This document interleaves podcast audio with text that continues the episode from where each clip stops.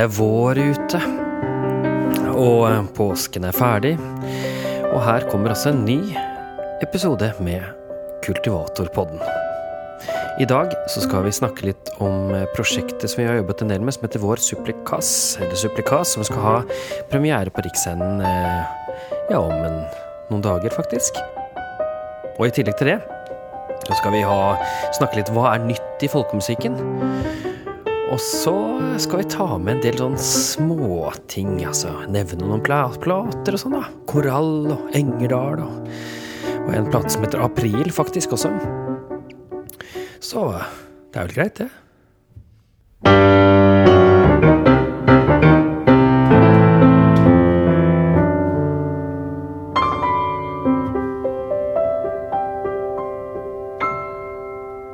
Og jeg, jeg heter Vegard Vårdal, og sammen med meg her i studio så har jeg en som heter Mette Vårdal. Og ja, du gjetter riktig. Vi er søsken. Nei, det er vi ikke. vi er gift og har to barn og bor i Vågå. Og driver firmaet Kultivator. Og det er et produksjonsselskap. Som et underselskap til dette her, så har vi eh, kul film i tillegg. Så vi er litt sånn allsidige. Så nå er det altså nå er det solen skinner ute, og hvordan er formen, Mette? Du, den er helt eh, topp. Jeg er eh, klar som en egg til en ny episode med Kultivatorpodden. Det er så bra. Altså, sist gang så var det sånn litt sånn ekstra episode med litt, eh, et lite kåseri som jeg har gjort for lenge siden, og så noen tanker eh, om ting og tang. Ja. Ja. Og da, da kommer det jo, som vi har nesten lagt oss til en vane nå, Kultivatorpodden retter. Ja, for det er ikke alltid like lett å få med seg alt.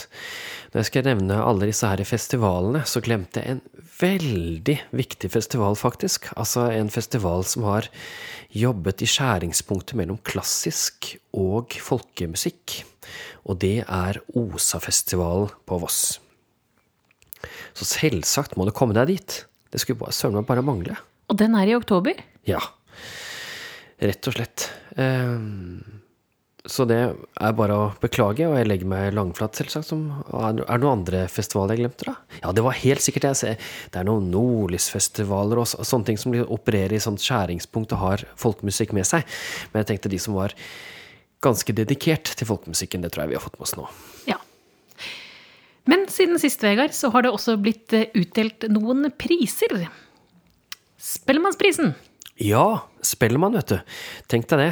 De har eh, rett og slett i kategorien folkemusikk, hvor det var altså Fokkhaugen med Britt Pernille Frøholm, og så var det Heimespill med Johanne Flåttorp og Åsmund Solberg. Og Ronny Kjøsen med Bohemspel, tror jeg det heter. Bondebohem. Bondebohem, ja. Sorry. Ingen av de vant, men Logne Slåttar med Mats Erik stakk av med den gjeveste prisen. Og det verserer en sånn ganske kul video på, på det store internettet nå, hvor han og eh, Elbjørg Hemsing og Er det ikke det? Så, noen flere som spiller. Eh, og, og også Daniel Herskedal Ja. Som faktisk fikk prisen for årets komponist. Og han er også en del inne i folkemusikkmiljøet, vil jeg si. Han spiller jo med Maria Mortensson, og har eh, også spilt med Jorunn Marie Rypdal Kvernberg og flere andre. Ja, da var sto bak deler av bestillingsverket her på Riksscenen til deres tiårsjubileum. Så og, og det er jo Allsidig komponist. Ja. Og, og i tillegg til dette så vant jo også Valkyrien Allstars Spellemann for, eh, i sjangeren viser.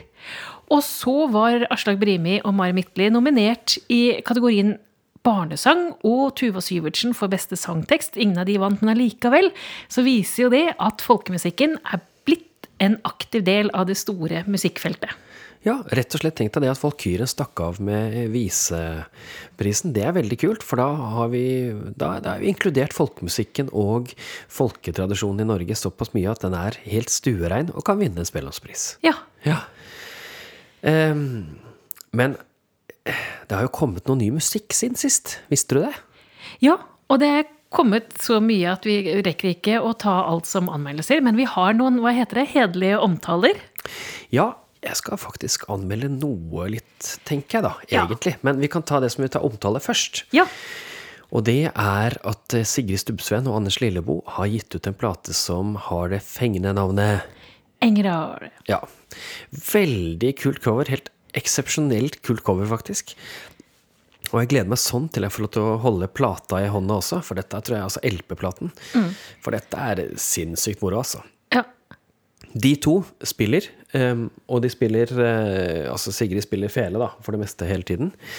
Eh, og så er det Anders Lillebo som spiller trøorgel og munnspill, faktisk. Og da har de tatt eh, tradisjonen fra Engerdal og gjort den til sin ved hjelp av disse arrangementene og dette samspillet. Og så har de laget en slags videoblogg eller hva man skal kalle det, om hvert av sporene, med altså en, en episode for hvert kutt på plata, for de som ønsker enda mer bakgrunnsinformasjon. Ja, og da har vi mange timer med, med Engerdal, hvis dere har lyst til det. For der eh, forklarer Sigrid om bakgrunnen til hver eneste slott, og så eh, kommer eh, Anders med en del andre sånne innfall, og fra sitt eh, perspektiv, da. Men det er veldig gøy å se at en sånn lokal tradisjon får en oppblomstring på den måten der. Så dette er ikke plate bare for de fra Engerdal, men for alle sammen. Til og med du som lytter på. Ja, du som ikke trodde at jeg mente akkurat deg, men jepp, det var deg. Og så er det en, eh, kommet ut en singel fra et, eh, et band som Grappa har tatt under vingene. Ja, og det er litt gøy. Altså, det, er jo, det er jo ofte det kommer musikk fra utøvere, og så er det utøveren sjøl som må stå for det. Men her er det litt sånn gammeldags, god gammeldags bandbygging med et plateselskap i ryggen. Og de heter Ævestaden. Ja, og eh, man kan lese litt mer om hvorfor dette er Ævestaden, men altså Ævestaden består av tre studenter på Norges musikkhøgskole.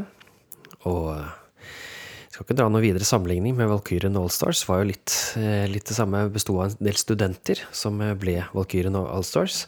Men så her er det altså Eir Vatn Strøm som synger.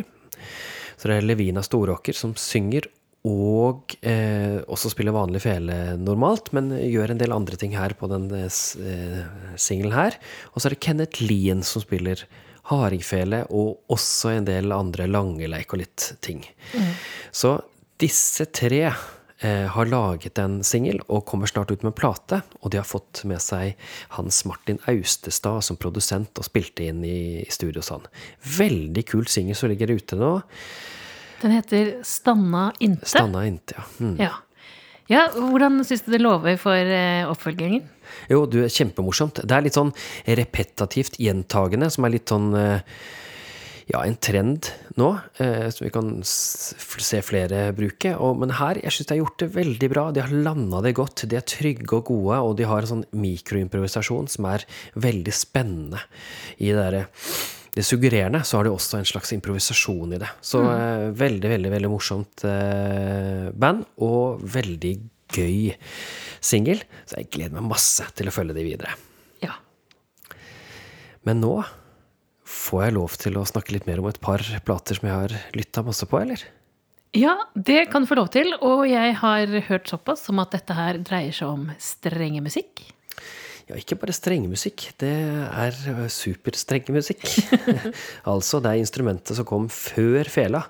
Det er gitaren. Og nå har jeg laget en eh, spilleliste som ligger eh, på eh, Spotify, som heter Kultivatorpodden sesong tre. Og der har jeg tatt rett og slett noen gitarlåter, for det er gitar vi skal snakke om i dag.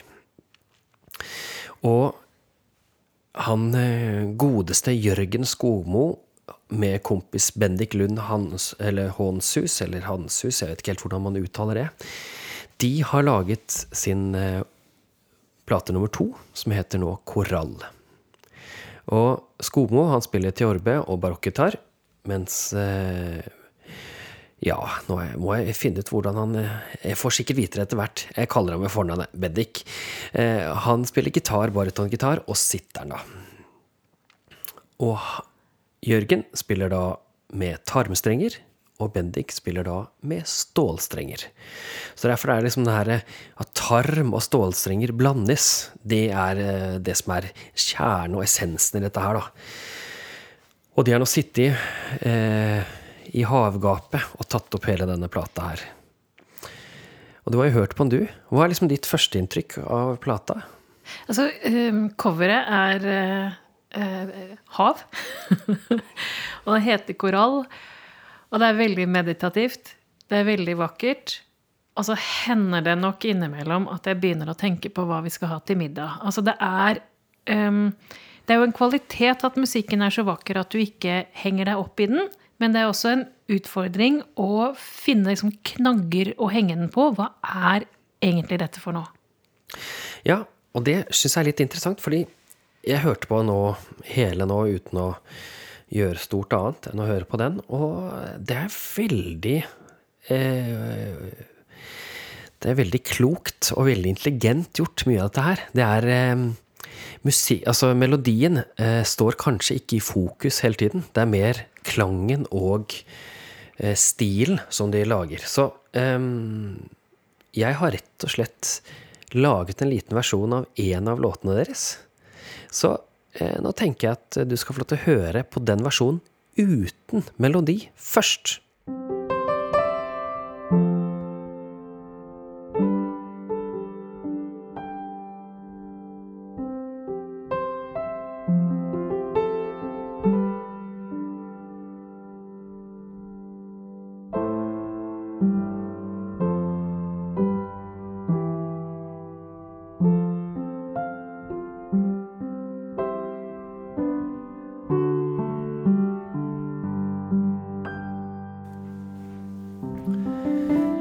Ja, så hva, hva, hva, tenker du nå, når du bare hører at jeg har lagt om akkordene inn i et piano istedenfor eh, gitar?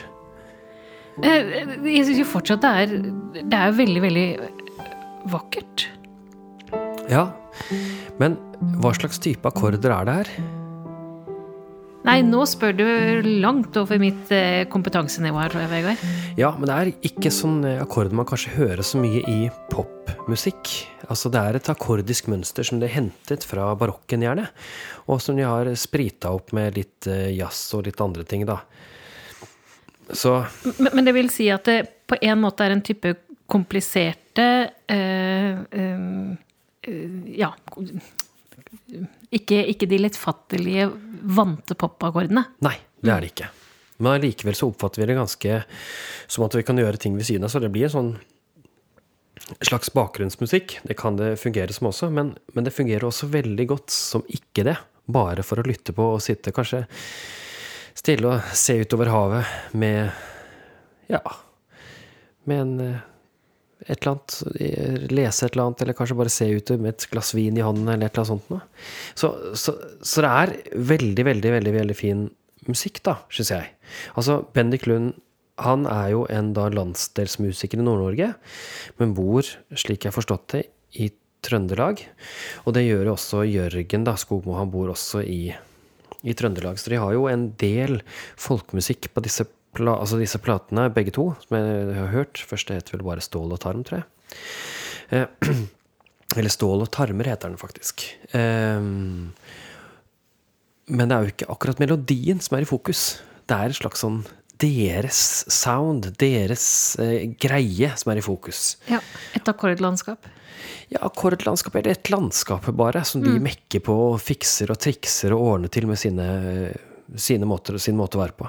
Jeg har ikke hørt så veldig mange plater som ligner på dette her, så jeg syns det er en veldig veldig, veldig bra duo. Så denne duoen må fortsette. Jeg har veldig lyst til å oppleve de live en gang.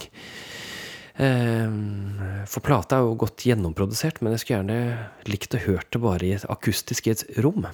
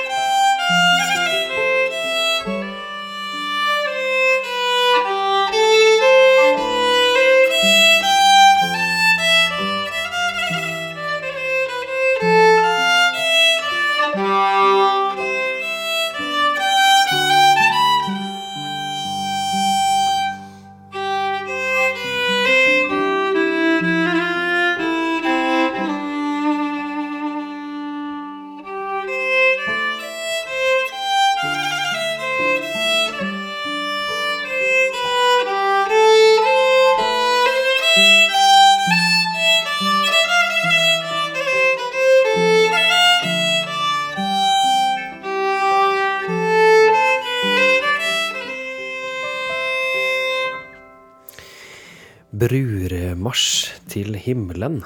heter den her. Og jeg, jeg har ikke plukket den, faktisk, så jeg har bare tatt den fra en note som, som de har lagt ut på sin nettside. En sånn eh, håndskrevet, fin, enkel note. Så de har jo til og med lagt ut note på fire eller fem, nei fire, jeg husker ikke mange, mange låter de har. Men det er litt gøy. Kunne gå inn der og se hva de har tenkt, og hvordan de har laget formen, og hvordan de arbeider. Ja, jeg tenker det når jeg hører det nå, så altså, det er jo veldig lett å høre melodien først. Eh, på- det siste kuttet her. Ja. Men hvor tydelig retning akkordene gir, altså hvordan det er en sånn understøttelse som, som eh, sånn veiviser til hvordan du opplever musikken, da. Definitivt. Så jeg anbefaler det går inn og sjekke Kultivatorpodden sesong tre. Eh, der fins denne her eh, først på en sånn spilleliste. På Spotify. Ja, på Spotify. Så plata heter altså Koral, og jeg kan anbefale den. Men det fins jo flere gitarplater som er gitt ut akkurat da. Ja, det er faktisk slik at en fjerdedel av artistene på eh, Folkelarm i høst var gitarister. Eh, Ja. Gitar, eh, så kommer gitarprosjekter. ja, gitar eller bass, da, ikke sant? Ja. ja. Og eh, det, er ve det er veldig gøy å se at det er såpass mye gitar i Norge for tiden nå. Og det, den blir ikke bare brukt da som et akkordinstrument som backer opp andre i et band eller noe sånt nå. Sånn som vi har hørt før, altså. Det er veldig mange band i Norge som har med seg gitar. Um, og, men vi har jo også tidligere så har vi hatt da den store norske gitarkvartetten, tror jeg det het. Med Tore Bruvoll, Vidar Skrede, Annar By og Øyvind eh, Øystein eh, Sandbukt. Folkemusikkens svar på Gitarkameratene. Ja, bare at de gjorde veldig mye uten sang, da. Ja. Ja. Eh, men det varte ikke sånn kjempelenge. Men det varte noe. Jeg hørte på en del konserter med de. Eh, og på den der spillelisten på Spotify så har jeg også lagt inn en eh, solokutt med Vidar eh, Skrede, faktisk. Han bor i USA for tiden nå, da. Og faktisk også en med Annar By. For han har også gitt ut en plate, gitarplate, Folksongs, for en stund siden. Så Men hva tenker du om gitar, da, i, som soloinstrument? Det, altså det, det, er jo, det er jo fint, og etter både Folkelarm og snakket om det, så nettopp fordi det er veldig mye folkemusikk på gitar for tida, så er det jo interessant å se den eh, spennvidden, altså de ulike variasjonsmulighetene som ligger i dette instrumentet. At det ikke bare er komp eller eh, akkorder til sang. Riktig. Så altså Øystein Sandbukt har nå kommet med sin andre plate, og den heter April. Han har spilt den inn selv, hjemme hos seg selv. Han har gitt den ut på Øra fonogrammer, eh, men det er hemmelig, tror jeg. Fordi den fins ikke på deres nettside. Den fins på en Facebook-innlag som vi har en gang. Og det er helt umulig å finne informasjon om denne plata, rett og slett.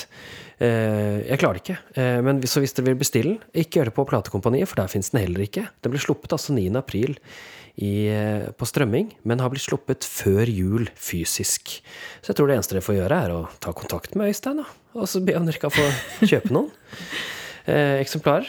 Men dette her er jo en helt annen plate enn den forrige, for her er det altså bare stålstrenger, og det er mye mer rytmisk, og det er mye mer laget på folkemusikkens premisser. Altså rytmisk og melodi i fokus. Du hører at han tramper, du hører at han er veldig inne i folkemusikken, og rett og slett kan folkemusikken. Det er det som er hans hoved... Um, ja, kanskje ikke hovedsjanger, det er det sikkert ikke, men vi hører at han kan det såpass godt at det er veldig overbevisende for oss som lyttere.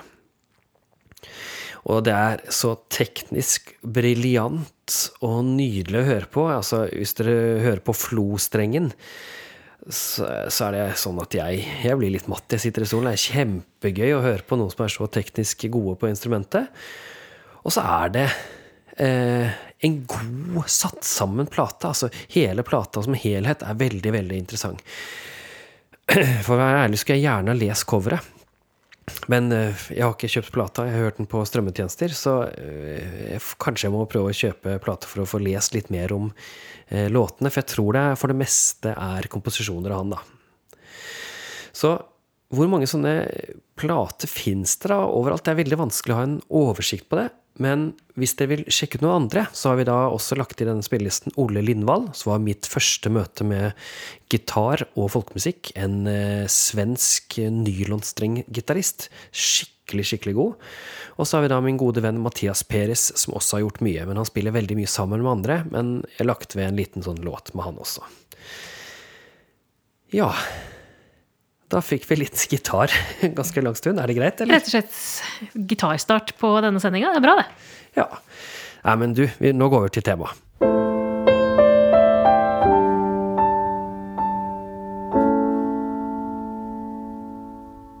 Og etter den lille innføringen i gitarlandskapet, så skal vi over til det som er dagens tema, og det er et prosjekt som vi har jobbet med i jeg tror det nærmer seg to år nå, Vegard. Ja, det er det. Eh, og det heter altså, eller vi har kalt det Vår supplikast. Aller først så må jeg jo forklare hva navnet betyr. Mm. Det betyr rett og slett vår bønn. En supplikk, det var et bønneskriv, altså et brev som vanlige folk kunne skrive til kongen eller øvrigheten. Og enten klage på forholdene eller be om hjelp, eller hva det nå var de ville. Og de, de hadde på en måte rett til å bli hørt, eh, men det var ikke sikkert det skjedde noen endring da. Men, eh, tittelen er da hentet fra en sang som vi har funnet i en eller fått låne i en håndskrevet bok som er skrevet av Østenkjørren, som var husmann. Han bodde i Heidal her i Gudbrandsdalen. Livnærte seg som treskjærer. Og ja, jeg tror stort sett det var når livet gikk, seg, gikk ham imot, så ø, løste han det ved å skrive sanger. Det er nokså dystre og dramatiske tekster i den boken. Ja, hva het han igjen, sa du? Østen Kjørren het han. Ja. Uh, han er da født eh, i Brebygden i Sel, og flytta som tenåring til Heidal og bodde der resten av sitt voksne liv. Men var det ikke ganske vanlig på denne tiden at man skrev salmer eller skrev sanger uh, sånn Gud og hvermannsen, eller hvordan var, det, hvordan var det med det? Nei, det var, det var jo ikke helt vanlig. Men, men det betyr jo ikke at han var den eneste som gjorde det. Altså, på, vi har jo eksempler på andre navngitte personer i Vågå på den tida. Både prestesønnen Edvard Storm, som satt i København og skrev dikt på vågåmål om hvordan han savna eh, Gudbrandsdalen og folketradisjonen her. Eh, og en eh, nabo, faktisk, til Østen Kjøren, som eh, het Knut Pedersen, eller Knut Soksen, som vi har en, eh, en vise etter, og som vet var kjøgemeister og skrev egne sanger.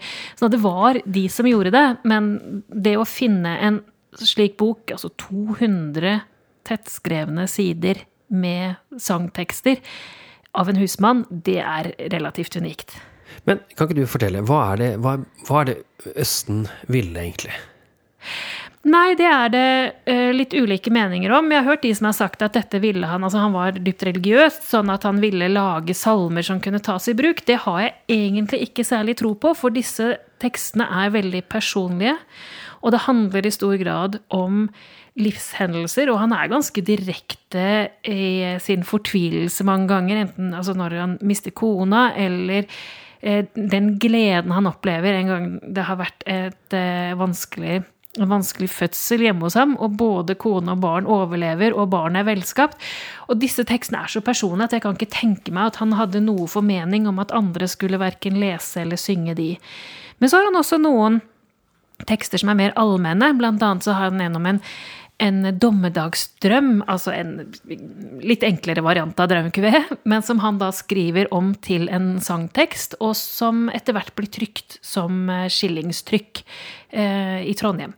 Sånn at det er, jo, det er jo både noen som er egnet for et større publikum, men først og fremst så tror jeg han skrev som en ja, måte å takle et relativt tøft liv på. Hva, hva, er, hva er budskapet i teksten hans? da? Han er dypt religiøst, og det er mye religiøst budskap. Og det handler Det er helt brutalt. Altså, det handler rett og slett om at vi mennesker, etter, etter at Eva tok eplet i paradis, så er mennesket syndig. Og det er derfor vi har det så tøft her på jorden. Det er derfor livet er så brutalt. Fordi vi syndet, og dette er en rettferdig straff som vi bare må ta. Men Så greit, da. Da, da gjør vi bare det. Ok, neste tema. ja, ikke sant? Men det finnes jo et håp der framme. Og det er klart at man kan skjønne en sånn innstilling til livet når, når det, det er altså ikke håp i den andre enden. Han kommer til å leve som husmann hele livet og slite hele livet og dø med det slitet. Så håpet hans er jo på en måte noe bedre på den andre siden. I dag har vi det mye bedre, og vi vet at vår innsats faktisk gjelder. Så det vi har gjort, er jo å ta tak i bare noen deler av tekstene hans som handler om hans forhold til naturen. Og så har vi skapt et, et Ja, det må jo være, å være vårt budskap, vår bønn, som handler om at vi skal bli mye flinkere til å ta vare på miljøet og oss som bor på denne planeten. Ja, for det er jo, det er jo flere eh, sitater i denne her fra han som, som går direkte løs på naturen, og direkte på at hvis ikke du skjerper deg, så kommer eh, naturen til å oppsluke deg, til å ta deg og gi deg den straffen du fortjener. Ja, ja. ja han har Altså, det var jo et, eh, en stor flom og masse jordras her i 1789, kalles Storofsen, og flere mennesker døde. Og da skriver han jo om at alle elementene må være i balanse. Hvis ikke så går det galt. Og det er jo på en måte en ganske naiv framstilling av, eh, av, hvordan verden henger sammen. Men han har jo helt rett. ikke sant? For det, mm. hva er det vi menneskene har gjort og bidratt med? Og om det ikke er syndefallet, så er det industrialiseringen og forbruket. Vi har jo bidratt til at elementene er i ubalanse. Og da opplever vi jo faktisk ekstremvær. Ja, ikke sant. Men hvordan er det vi har brukt det kultivator? Nei, altså vi har da valgt ut eh, noen tekster som, eh, som, vi opplever det ga oss mening, og så har eh, du satt musikk til det, Vegard. Å oh, ja. Ja, Du visste ikke det, nei? nei. Jo da, jeg visste det. Jeg har jobbet veldig lenge med de, den musikken, faktisk. Jeg har jobbet med den eh, ja, et år. Men jeg mm. tipper at jeg har gjort det nå. Uh, det er ganske vanskelig å lage musikk til uh, tekster som er såpass gamle, og som ikke har den samme rytmeforståelsen som vi gjerne vil ha i dag. Så det jeg har gjort der, er at jeg har laget apropos uh, instrumentalslåtter til hvert av de fire elementene, da. Mm. Ja. I tillegg sånn at vi får inn naturen enda mer. Ja, ja og fordi altså, det er relativt sånn si, krevende tekster, både rytmisk og språklig, og ja, få det helt ja, lenge sammen. Altså den som uh, singel som er ute nå, 'Jordens orden og rikdom', der hører du at det er ikke sånn Det var på Kaper jeg så henne komme Der. Nå vil jeg si deg sann, badam, badadadampa det er ikke noe sånn det er ikke noe sånn veldig taktfast swing-greier eller uh, noe poppish her, altså. Det er det ikke. Nei, og da er vi så heldige vi har med oss Mari Midtli på sang. No... Ikke meg, altså. Nei, nei, nei, men du er god på fele, Vegard. Ja, takk. Men, men, Mari på sang. Og hun er så god på å skape, altså formidle innholdet og tilpasse Eh, disse litt, eh, i utgangspunktet litt haltende rytmene da, til å få den fantastiske flyten og formidlingen som hun har i sangen. Og i tillegg til det så er det med Oddrun Lilja Jonsdottir på gitarer. Gitar og tro det eller ei, fele. Ja. ja. og så synger vi alle tre også litt inne her, da. Ja. Det, det, er jo sånn i tiden, så da må vi jo synge, selvsagt. Vi må jo ta til oss det som ligger i tiden. Mm. Men i dette så har vi altså et uh, miljøperspektiv. Og Vegard, du har rett og slett vært med på et uh, seminar med NOPA om dette med musikk og klima. Ja, og NOPA det står altså for Norsk forening for eh, komponister og tekstforfattere. Det fins to sånne foreninger for komponister, og det er Norsk komponistforening og denne her, da. Mm. Og NOPA er litt med for de som er populærmusikk, da. Ja. Og det er vel jeg, da. ja, det er vel definert som det nå. Mm. Ja, etter at jeg fikk det stipendet også. Men eh, denne debatten, som ble moderert av Mimir Kristiansson, så var det altså Marte Wulf og Hailey Shia, jeg, tror jeg vet ikke helt hvordan man uttaler det sånn, og så var det jeg som var der. Og vi hadde da vært vårt budskap. Hailey hun eh, gjør dette her gjennom teksten sin, og er ganske kraftig på det. Og eh, Marte Wulf hun kalles jo Klima-Marte. Hvis jeg blir ikke kalt noe spesielt annet enn Vegard. Og eh, mitt budskap der var at man kunne prøve å eh, jobbe med miljøsaken gjennom et prosjekt som vår Supplikas.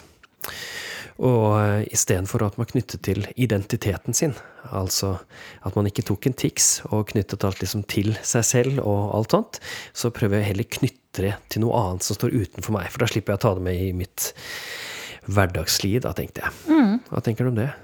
Jo, jeg tror det er lurt. Altså, det vi prøver også med vår supplikas, er jo ikke å altså, Det er jo ikke Det er verken kampsanger eller protestviser her. Altså, det er jo det å åpne opp et uh, landskap for forståelse og refleksjon. Ja. Uh, og det er jo ikke Altså, det handler jo ikke om å rydde plast i havet. Altså, det, er en, det, ikke, det går ikke konkret på tiltak. Det går mer på en sånn samhørighet på tvers av tidsperioder, og også eh, med naturen. Ja, så en slags holdning, da. Mm. Så Derfor syns jeg NOPA var så flinke til å finne tre forskjellige aktører som jobber på hver sin måte. Og jeg syns det er superbra at Marte gjør det hun gjør. Det er helt naturlig. Hun får opp masse eh, mange, mange folk som sperrer opp både det ene og det andre etter at hun har stått der. og eh, agitert. Veldig, veldig veldig bra, og hun gjorde en god figur. Også Haley også, på, som gjør det liksom gjennom tekstene. Jeg syns det er eh, veldig spennende at artister prøver å tør å gjøre det nå også. Og etter at vi skal ha vår forestilling eh, på lørdag nå, da Det går sikkert an å få kjøpt strømbilletter som varer en stund. jeg vet ikke, hva det er, Kanskje et par uker? Ja, en uke eller to, ja, tror jeg. Ja. Så skal det også være en debatt. Mm. Eh, og der skal du være fra oss. Og så er det Maya Ratche. og så er det Ella Sofe, som ja. er en samisk dansekunstner. Så hva tror dere skal diskutere her, da? Nei, altså En av de tingene vi skal ta opp, er jo dette om folkemusikken. Eh, om det er noe spesielt med folkemusikken som gjør at man eh, altså, Forholdet til natur ligger tettere der eh, enn annen type musikk? Altså har vi en forse, har vi noe vi kan bringe inn?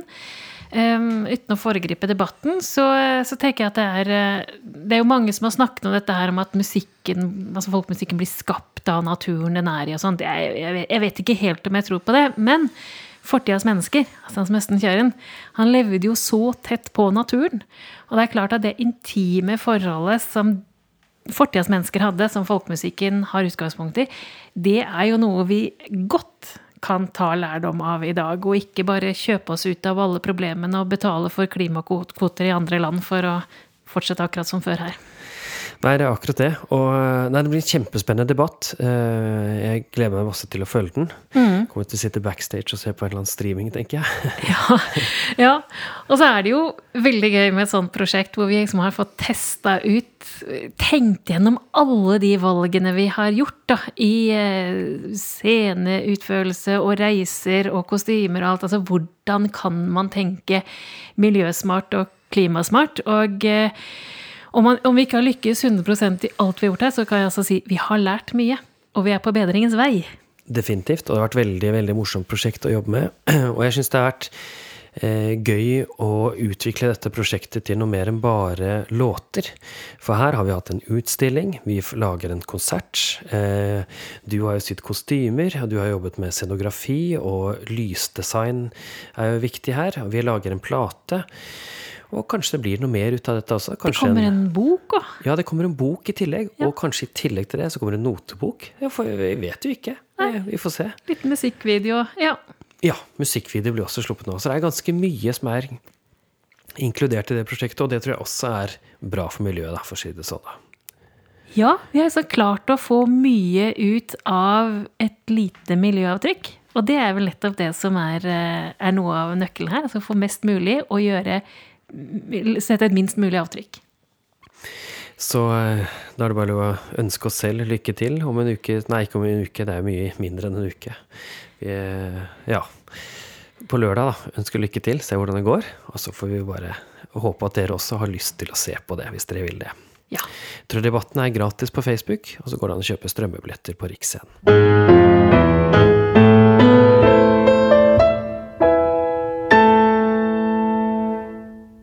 Vi har eh, brukt litt tid på skjerm, vi, vet det. Ja, det er, mye godt som kommer den veien under nedstenging. Ja, så nå har vi eh, sett på Det siste vi så på, var eh, Erlend Apneset Trio. Og så har vi sett på Helga Myhr sitt bestillingsverk til Osafestivalen som het Andsyning. Og så har vi sett Frode Haltli med hele gjengen sin av musikere i Avant Folk. Ja, og alle disse tre var altså strømmekonserter fra Riksscenen nå i april. Ok, Kan ikke du si én ting som er felles for alle disse tre? Ja, de, for det første kjenner de hverandre godt. Altså, dette er musikere som, eh, som spiller litt uh, på tvers av, uh, av gruppene. De, uh, det er en slags Det er jo drøyt å kalle det et kunstnerkollektiv, men, men det er en gjeng musikere som utveksler mye musikalsk og kunstnerisk erfaring og tankegods. og jeg, har det blitt sagt at dette er den nye vinen i folkemusikken. jeg er ikke riktig sikker på det, men det er iallfall noe som oppleves som nytt og annerledes, og er én av flere miljøer som bruker folkemusikken som et utgangspunkt for å skape ny musikk i ganske ulike retninger. Ja, kan, kan ikke vi ta bare ta en eh, Jeg går litt kjapt gjennom hver forestilling, det, ja. sånn at jeg kan gi lytterne en sånn pekepinn på hva det er, i hvert fall. Mm -hmm. Avantfolk med Frode Haltli, der har vi altså en gjeng med musikere. Så jeg sier ingenting om eh, hvem som er med der. Det får dere bare sjekke ut på, på nettet selv. Eh, men der har altså Frode eh, står som komponist og arrangør, og da han har tatt eh, tak i den gamle folkemusikken i Solør-Odalen, altså Finnskogsmusikken. Og noe av det er eh, låter som han har bare bearbeidet og puttet inn i sine egne komposisjoner. Andre ting er totalt komponert av han. Men han komponerer ikke på den måten at han skriver et partitur. Han eh, gir melodifraser og melodilinjer og arrangement til musikerne på gehør der og da. Eller ikke, ikke på konserten, da, men på øvelsen. Og så øver de inn hver låt. Og det er ganske fritt. Det er eh, eh en veldig sånn improvisatorisk og lyttende eh, prosess. Og det gjør også at det blir veldig fint eh, når det blir presentert for oss, at det høres at her har musikerne fått lov, til, fått lov til å være med og bestemme selv, eller å gi sin farge på verket, da. Så har vi Helga Myhr sin ansyning, og det er også bærer preg av at hun har jobbet mye med eh, fri improvisasjon. Og det gjorde hun en del også på Norges musikkhøgskole da hun tok utdannelse der. Og der har hun fått med seg eh, ja, også en del musikere, faktisk. Så vi trenger ikke å nevne de, trenger vi det? For det er, såpass mange der også, er det ikke det? Ja, nei, gå inn og sjekk ja. på hjemmesida til gjør, gjør heller det. Ja, um, for der har vi uh, mer sang, faktisk. For der er også, selv om Helga Myhr er en dyktig kveer, dyktig folkesanger, så har hun også jobbet mye med å få sangen godt implementert i sin musikk. Og der har hun tatt en del uh, uh, tradisjonelle låter der også, og formet det på sitt vis. Til slutt så har vi da Erlend Abdeseth Trio. Det er bare tre musikere, men de har spilt sammen så voldsomt mye. Det er helt tydelig at det er veldig samspilt. Her er det mye elektronikk også. I tillegg til at det er trommer og gitar og hardingfele. Eh, og hardingfele blir brukt som gitar også, for den saks skyld. Eh, og her har de brukt arkivopptak. Så å si alle tre forestillingene så er det veldig sånn derre tilbakeskuende inn i den opprinnelige folkemusikken, hvis vi kan kalle det noe opprinnelig i det hele tatt. Men det som vi regner som gammel folkemusikk, da. Ja, Men i motsetning til f.eks. Ævestaden, som, som, på en måte bygger sin nye musikk på ideen folkemusikk, Riktig. så er de her eh, de plukker elementer, og kanskje den som er tydeligst på det, er jo Helga, som sier det at hun jobber med lyd. Altså hun tar lyder fra tradisjonsmusikken og fra tra arkivopptak, og bygger det ut til eh, lange linjer. Og eh, avantfolk også, som, som, kan ta elementer fra en slått og bruke den. Og da spiller ikke de andre elementene i slåtten så stor rolle. Altså Som om rytmen blir feil, er ikke viktig, for det er ikke det elementet de jobber med da i den låten. Eh, og Erlend Apneset Trio han jobber jo mye med elektronika, og der eh, er det sampler inn, det heter. Altså han henter inn både prat, arkivopptak Da ble jo plutselig liksom bestemoren her. Ja! Hjelpe så fort du klarte å bli gammel nå. er, det, er det sampling det heter? ja, nei, men det Ja, de bruker sånn datamaskin, vet du. ja, men denne ungdommen, denne ungdommen Ja, ja. Ok, vi fortsetter, vi. det er jo sånn det er. Men det, det, som de hadde på scenen, da, var at de hadde ganske Munin, som gjorde denne her, de hadde ganske mye fokus også på den samplingsplassen. Uh, hvor han ene sampla og spilte gitar samtidig. Ja, ikke sant? Sånn mm. hadde, og der tok han altså disse her uh, arkivopptakene som han koblet til. Ja, og da kunne det jo bare være et arkivopptak, en som pratet. altså Det behøvde ikke å være musikk engang. Så det var liksom eh, opplevelsen av Av gamle dager, kan vi si. Ja, ja ikke sant? Ja, så opplevelsen av gamle dager som, som da ble formidlet i helt ny musikk. Ja. Eh, ny musikk, og, men det som altså Det er jo helt klart det var denne trioen her som var mest samspilt av disse, da. Det, må, det er jo ikke så rart. Avantfolk er jo vanvittig mange. De kan liksom ikke møtes hver ettermiddag og spille. Men Erlend Apnes sitt trio har jobbet så lenge sammen, så det var mm. utrolig gøy å se hvordan, hvordan de spilte, spilte, på hverandre, og hvordan improvisasjonen bare fulgte, fulgte en strøm hele tiden. Det var ikke noe prat, ingenting. De bare, fra de starta til de slutta, så var det Ja. Ja, og skapt en sånn helhetlig forestilling som, eh, som fungerte veldig bra på, eh, på strømming. Um, ja, men og, ja, de skaper ny musikk. Og de bryter jo normer og barrierer. Eh, og har vel egentlig det som sitt varemerke alle til. Altså de skal gjøre noe, skal gjøre noe nytt. Eh, samtidig som de da har denne veldige tradisjonsfokuset med seg i musikken. Eh, og så lurer jeg på så, Ja. Um, for det første, Vegard. Oppleves det som nytt? Nei, det gjør nok ikke det. Og det er nok eh, veldig mange i folkemusikkmiljøet heller som ikke tenker i utgangspunktet at det er nytt. Og jeg tror ikke utøverne heller tenker at det er nytt. eh, altså, de tenker at det er, eh, det er nytt, selvsagt, for de lager ny musikk. Men det er ikke nødvendigvis sånn eh, kjempebanebrytende. Det er bare mange andre som har lyst til å sette det stempelet på de også. Uh, ja, det skal sies. Det. Altså, det er ikke de som har nei. kalt dem den nye vinen. nei, ikke sant. Og det er det jeg tenker. Uh, så jeg, jeg, jeg, tenker bare at dette her er en naturlig retning i dag for mm. en del uh, veldig dyktige folkemusikere å ta. Mm. Og den er veldig spennende. Veldig interessant å se på. Og man ser også at de henter mye inspirasjon fra afrikansk musikk og fra dronemusikk og fra Eh, repetitiv eh, meditasjonsmusikk. Det er mm. gøy, syns jeg. Ja, og jeg opplever jo det. Altså at når, når man er altså, på en måte da grensesprengende fordi de tar elementer og legger andre ting helt bort, så, eh, så er det jo ting folkemusikalske sjangertrekk som ikke blir med i musikken deres. Helt bevisste valg de gjør, selvsagt. Og så kan man jo si at å, ja, men da mister man det. Men så tenker jeg, nei, man gjør jo ikke det. For det de nettopp da gjør altså Her er det et rom for å bruke elementer i et mye større musikalsk landskap. Altså Vi snakket om Spellemannsprisen. At folkemusikken nå kan gå inn i helt andre musikksjangere og være en bidragsyter til å skape musikk. Og, og, og det er ikke noe det, det endrer jo ikke tradisjonen. Men for å kunne gjøre det, så er man jo helt avhengig av at det er en kjent tradisjon, og noen som faktisk eh, kan den tradisjonen og formidler den tradisjonen, sånn at andre sjangere og andre eh, musikere og musikkfelt kan bruke det som inspirasjon til sin musikk. Ja, altså jeg, jeg syns disse tre forestillingene er ganske interessante, og at de kom nesten sånn på rappen, syns jeg også var veldig interessant. Fra, eh, fra Riksscenen som eh, Ja, de har liksom valgt Nå er det dette vi skal satse litt på. Ja. Ser det ut som, da. Eh, ja.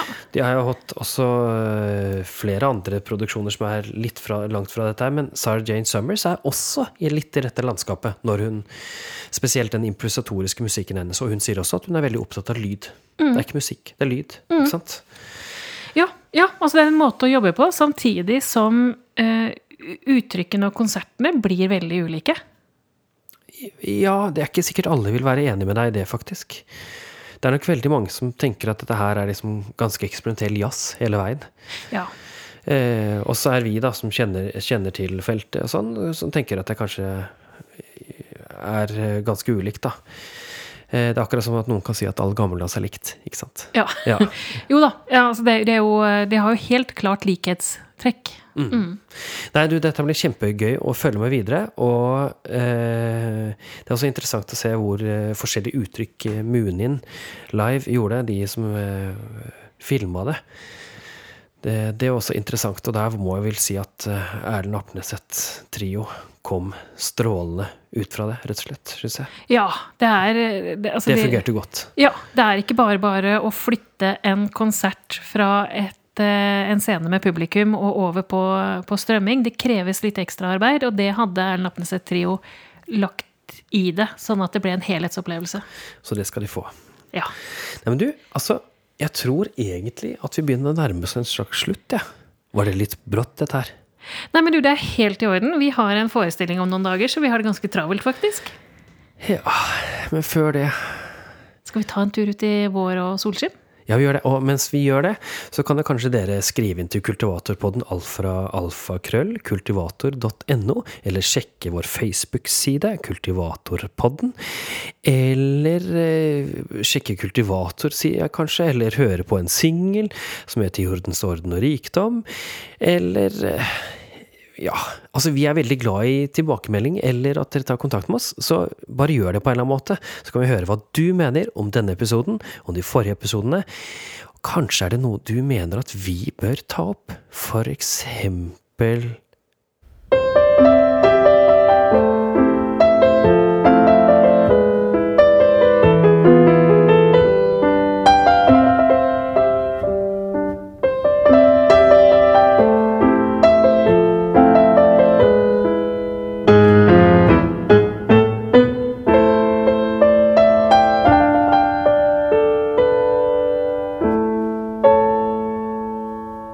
Kultivatorpodden er overhodet ikke sponset av noen.